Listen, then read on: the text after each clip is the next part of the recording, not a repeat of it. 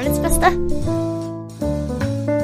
Nå er det altså tid for Barnets beste bonusepisode. Juhu! Og nå skal vi høre fra dagens kjendis, som er Elisabeth Carew. Din navnesøster Elisabeth. Eh, hun er programleder og sanger, og hun lurer på følgende. Hei, Elisabeth. Du, jeg eh, lurer på Jeg hører at noen har eh, nyfødte som sover f.eks. seks timer i løpet av en natt. Eh, og det skulle jeg gjerne hatt. Men så er det jo sånn at etter tre timer så får jeg melkespreng. Eh, så det jeg lurer på, hvordan er det de som ammer gjør det? Hvis de er så heldige å ha en baby som sover f.eks. seks timer. Er de da oppe og pumper en gang? Eller, eh, eller holder de bare ut? Og hvis man er en av de som holder ut med melkesprengen, vil det gjøre at man får eh, mindre melk? At produksjonen går ned? Ja, Elisabeth, hvilke råd vil du gi til Elisabeth?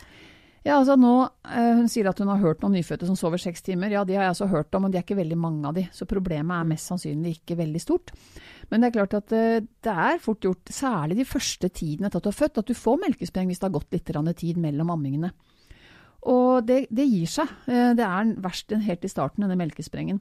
Hun spør om dette med om melkeproduksjonen vil gå ned, og det har hun for så vidt litt rett i, for dette er snakk om tilbud, etter, tilbud og etterspørsel. Så så lenge man ammer mye, så får man mer melk, og ammer man sjelden, får man mindre melk. Ja. Men det at det blir neppe problem, det at hvis babyen én gang i døgnet har en litt lengre økt. Mm. Og så spør hun om dette med å stå opp og pumpe seg. Eh, det er jeg litt skeptisk til, for er det noe nybakte mødre trenger, så er det søvn. Og jeg tenker man kan ofre ganske mye på søvnens alter. Så hvis det blir vondt og ubehagelig, stå opp, prøv å presse ut litt grann melk. Eh, Du bør jo stå opp for du må ha et sted å gjøre av denne melken. Mm. Men altså ikke sette i gang med sånn full pumping, bare få ut noen få dråper, slik at du får letta på trykket. Ja. Og så vil jeg tro at det tar ikke mange dager eller uker før du får et barn som de aller fleste har, nemlig som spiser etter din mening litt for ofte, og ikke litt for sjelden på natten. Ja, ikke sant.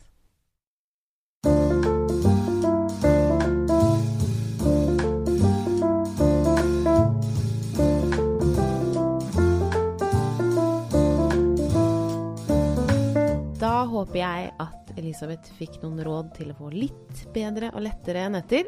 Eh, og så er vi tilbake om en uke. Vi høres! Det gjør vi.